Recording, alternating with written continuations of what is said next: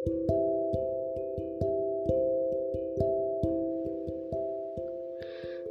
episode kedua ini pasti ketebak banget Monik bakalan ngomongin apa. Ya, love life-nya Monik. Tapi sebelum itu, Monik pengen cerita nih ada satu series yang uh, apa ya? relate banget ke kehidupan Monik. Lebih tepatnya ke kehidupan romansanya Monik. Judulnya To All the Boys That I've Loved Before. Jadi ceritanya itu ada cewek dia itu suka sama orang sama cowok dan dia itu nggak pernah ngungkapin perasaannya tapi tulis di ditulis di surat gitu terus suatu hari suratnya hilang kekirim ke tujuh cowok tadi dan konflik dimulai tapi yang bikin Monik relate ke series ini itu Monik juga ngerasain apa yang dirasain Lara Jean. Bukan dari bagian nulis suratnya loh ya soalnya Modi gak pernah kayak gitu. Dari ini Lara Jin tuh kan suka sama cowok dan dia nggak pernah ngungkapin perasaannya sama sekali. Di situ si Monik yang rasanya tuh relate banget. Monik ngerasain apa yang dirasain Lara Jin kalau diinget-inget selama 19 tahun Moni berada di dunia ini hmm, udah berapa cowok ya yang Monik sukain? SD, SMP, SMA kuliah? Enggak deh kuliah belum. Belum ada cowok yang nyantol di hati Monik jadi aku mau cerita. Tadi kan aku udah nyebutin ya crush pertamaku itu pas SD ih malu banget gak sih? Kecil-kecil udah main cinta-cintaan. Ya nggak apa itu kan uh, childhood crush lah ya. Itu kayak semacam cinta monyet sih kalau aku pikir-pikir sekarang. Jadi aku tuh dulu suka waktu SD tuh suka sama cowok dia beda agama dan dia tuh pinter banget. Pinter terus tinggi putih terus apa ya matanya bagus. Itu. Mungkin yang bikin Monik suka sama dia tuh mata sama dia tuh pinter. Saking pinternya nih guys aku inget banget kita dulu pernah saingan buat jadi ranking satu di sekolah eh di kelas di kelas itu. Terus mungkin karena karena Monik kayak ngerasa dia rivalku itu kayak Monik kepikiran terus deh sama ini cowok. Dan akhirnya suka. Tapi untungnya sih sekarang biasa aja maksudnya uh, perasaan Monik ke cowok tadi udah hilang. Ya iyalah udah terakhir terakhir ketemu tuh waktu kelas 6 SD udah lama banget. Tapi kita tetap tetap kontak sih kemarin. Ya tetap DM DMan IG gitu. Dan lucunya dia tuh tahu kalau Monik tuh suka sama dia. Jadi di DM IG kita itu kayak eh kamu dulu suka sama aku ya? Hah kok tahu? kayak gitu. Jadi kayak dibikin bercandaan aja. Terus sekarang kita just friends not nggak lebih. Terus cowok kedua itu waktu SMP waktu SMP ini juga aku sama eh apa namanya suka sama cowok tapi kali ini seiman seagama dia tinggi lebih tinggi dari cowok yang Monik suka waktu SD matanya bagus lagi-lagi mata. Terus alisnya tebel rambutnya merah. Ini teman-teman SMP kalau kalau aku nyebutin ciri-ciri ini dan mereka lagi dengerin podcast ini pasti tahu siapa orangnya. Ya dia nah aku suka sama dia itu gara-gara suara sih. Suaranya lucu. Suaranya suaranya hmm, bass-bass gimana gitu. Dan dia pinter banget. Pinter banget guys. Di apa ya kayak di kelas tuh selalu jadi juara kelas selalu nilainya selalu bagus. Pokoknya pinter banget deh ini anak. Udah ganteng putih terus pinter. Ya matanya bagus. Lagi-lagi Monik jatuh cinta sama cowok karakteristiknya seperti itu. Tapi ini nih setnya. Si cowok ini gak suka balik ke Monik tapi dia pacaran sama sahabatnya Monik tapi ya hmm, Monik gak marah enggak. Monik gak sakit hati karena emang ya terserah dia ya kan ya. Uh, dia mau pacaran sama siapa mau pacaran sama sahabatnya Monik pun juga itu hak dia. Monik nggak ada hak buat ngelarang gitu kan. Sakit hati. Hmm, tadi Monik bilang enggak ya. Sebenarnya dikit dikit segini dikit banget. Kayak oh jadi selama ini yang disukain tuh sahabatnya Monik gitu. Tapi ya abis itu ya mm, ya udah udah selesai ya Monik nggak nggak mikirin perasaannya Monik lagi gitu. Dan malah Monik berbalik support ke mereka berdua ke sahabatnya Monik sama si cowok ini. Terus itu kelas 7 terus kelas 8 Monik sempat sempat suka sama cowok lain juga. Itu hmm, kelas 8 suka sama cowok dan itu mantannya temanku. Dan itu cuman sebentar sih kayak setahun doang karena emang kita sekelas. Terus kelas 9 balik lagi suka sama si si cowok kelas 7 tadi yang jadian sama sahabat aku sebenarnya dari sini um, kelihatan banget gak sih kalau Monik itu gampang banget jatuh cinta? Kayak setiap orang setiap ketemu orang baru ya Monik suka gitu. Tapi uh, kalau yang dari kelas 7 8 dan 9 tuh tetap Moni suka sama si cowok ini cowok satu doang yang yang jadian sama sahabatnya Moni tadi loh tapi kayak buat apa ya buat ngaliin perasaan Monik Monik suka sama anak lain lagi gitu. Tapi perasaan tuh sebentar banget sebentar karena emang Monik tuh gampang bosen kan ya. Terus habis itu SMA kalau yang ini sih lucu banget. Aku suka sama dia itu gara-gara kita satu hobi. Dia tuh hobi gambar kan dan juga jago main eh juga main jago bikin graffiti kayak gitu. Nah aku itu juga suka bikin graffiti sama lettering. Nah waktu itu ada pelajaran tipografi. Tugasnya tugasnya seni budaya itu disuruh bikin tipografi.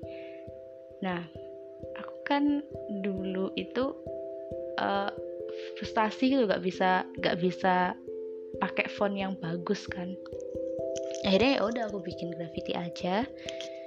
Nah si cowok ini akhirnya juga uh, ngebikin graffiti itu kan nah tapi nggak tahu kenapa dia tiba-tiba nyobek kertas tiba-tiba nyobek kertas terus nama aku kan ditulisin.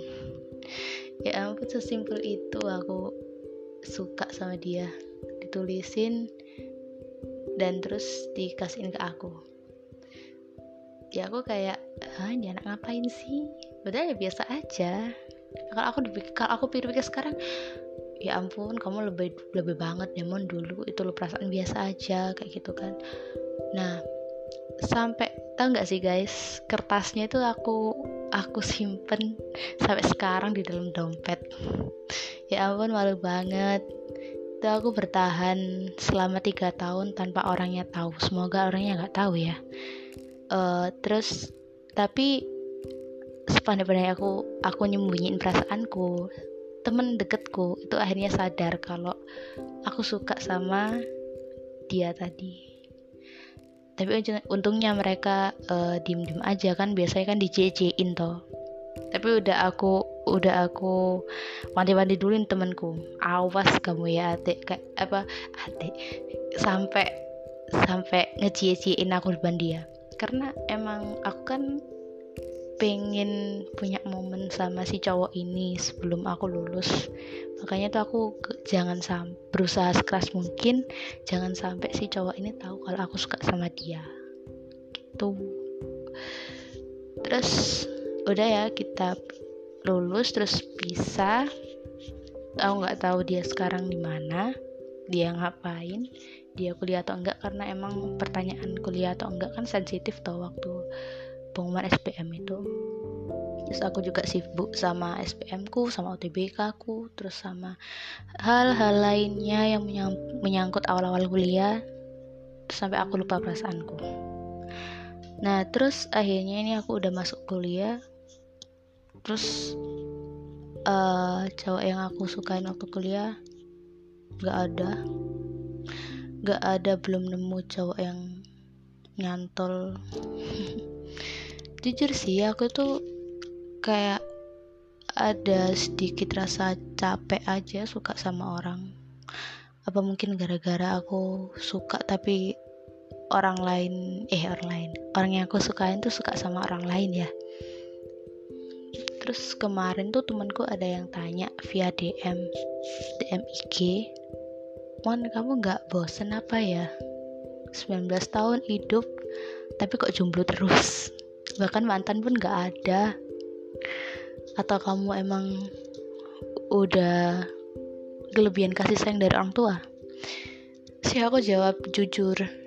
Jujur nih guys. Um, walaupun aku kelihatan menikmati kejombloanku bebas sana ke sini nempel sana nempel sini itu aku juga pengen sebenarnya ngerasain gimana rasanya pacaran terus habis gitu gimana ngerasain dak dikduksernya sama pacar. Tapi di sisi lain diriku itu ngerasain kayak aduh ngapain sih pacaran? Ribet drama antar putus gini gini nangis wah. Bis ribet aku gak suka kalau kayak gitu. Apalagi belum nanti kalau cemburu gini gini gini. Aku tuh udah ngebayangin yang enggak enggak kayak males komitmen. Jadi aku ya kayak ada suatu titik di diriku ya, ya pengen sebenarnya kayak ngerasain love and affection from my boyfriend. Tapi di satu sisi aku juga nggak suka komitmen dan aku nggak suka dikekang. Apalagi aku tuh anaknya eh, nggak uh, bisa sendirian kan. Jadi harus apa ya maksudnya aku suka kumpul sama orang baru. Terus habis gitu aku suka berteman sama siapa aja. Dan coba bayangin kalau aku punya pacar apalagi kalau nanti pacarku cemburuan ah, pasti aku bakalan stres. Kayak gitu terus masalah kasih sayang dari orang tua juga. Itu kan aku kan anak tunggal kan ya. Itu pasti lebih-lebih perhatian mereka ke aku. Tapi aku nggak bisa bohong kalau perhatian dan cinta dari orang tua itu pasti beda sama perhatian sama cintanya dari pacar. Beda banget pasti. Dan ya itu tapi karena aku males komitmen akhirnya kayak ya udah jomblo aja. Ya walaupun kadang di sisi di sisi lain gitu bosen pengen punya pacar kayak gitu kan. Hmm, dipikir-pikir pasti nih dari salah satu dari kamu yang lagi dengerin podcast ini pasti pernah ngerasain apa yang Monik rasain. Gimana uh, kamu capek banget sama fase percintaanmu? Apalagi nih yang yang pernah disakiti? Ya walaupun Manik nggak nggak pernah pacaran tapi Manik paham pasti. Ya best based on my friend story. Pasti ada yang uh, kayak ah nggak dulu deh nggak pacaran dulu deh. Karena hubungan masa lalunya nggak uh, semulus yang diinginkan gitu kan. Tapi um, I think it's okay. Kadang kita perlu waktu sendiri buat menyadari buat lebih mengenal diri kita buat lebih menyadari passion kita ya kan? Toh dengan sendiri tuh bukan berarti kamu kesepian kan ya walaupun pasti ada rasa-rasa kangen gimana rasanya pacaran kayak gitu. Atau bahkan nggak sama sekali. I think it's okay. Buat kamu yang belum siap pacaran kayak Monik nggak apa-apa nikmatin dulu kesendirian. Karena dengan sendirian itu uh, kamu lebih mengenal dirimu lebih bebas berteman sama siapa aja. Terus lebih bebas mengekspresikan dirimu kamu mau menjalani hobimu apa aja. Misal nih kayak Monik lagi lagi seneng-senengnya podcast lagi seneng-senengnya nulis lagi seneng-senengnya berorganisasi dan bertemu orang banyak. Ya kita lebih bebas aja gitu kan. Terus buat kamu yang yang um, pengen ngejomblo karena masa lalunya kurang mulus it's okay. Take your time to heal your one.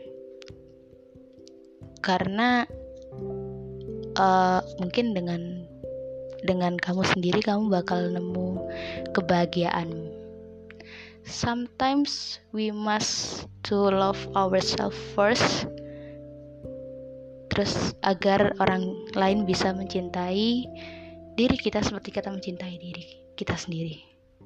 Oh, kayak gitu. Hmm, sekian dulu podcast Monik di episode kedua ini. Makasih banget udah dengerin Monik curhat tentang masa love life ini. Dan um, nantikan terus episode-episode selanjutnya.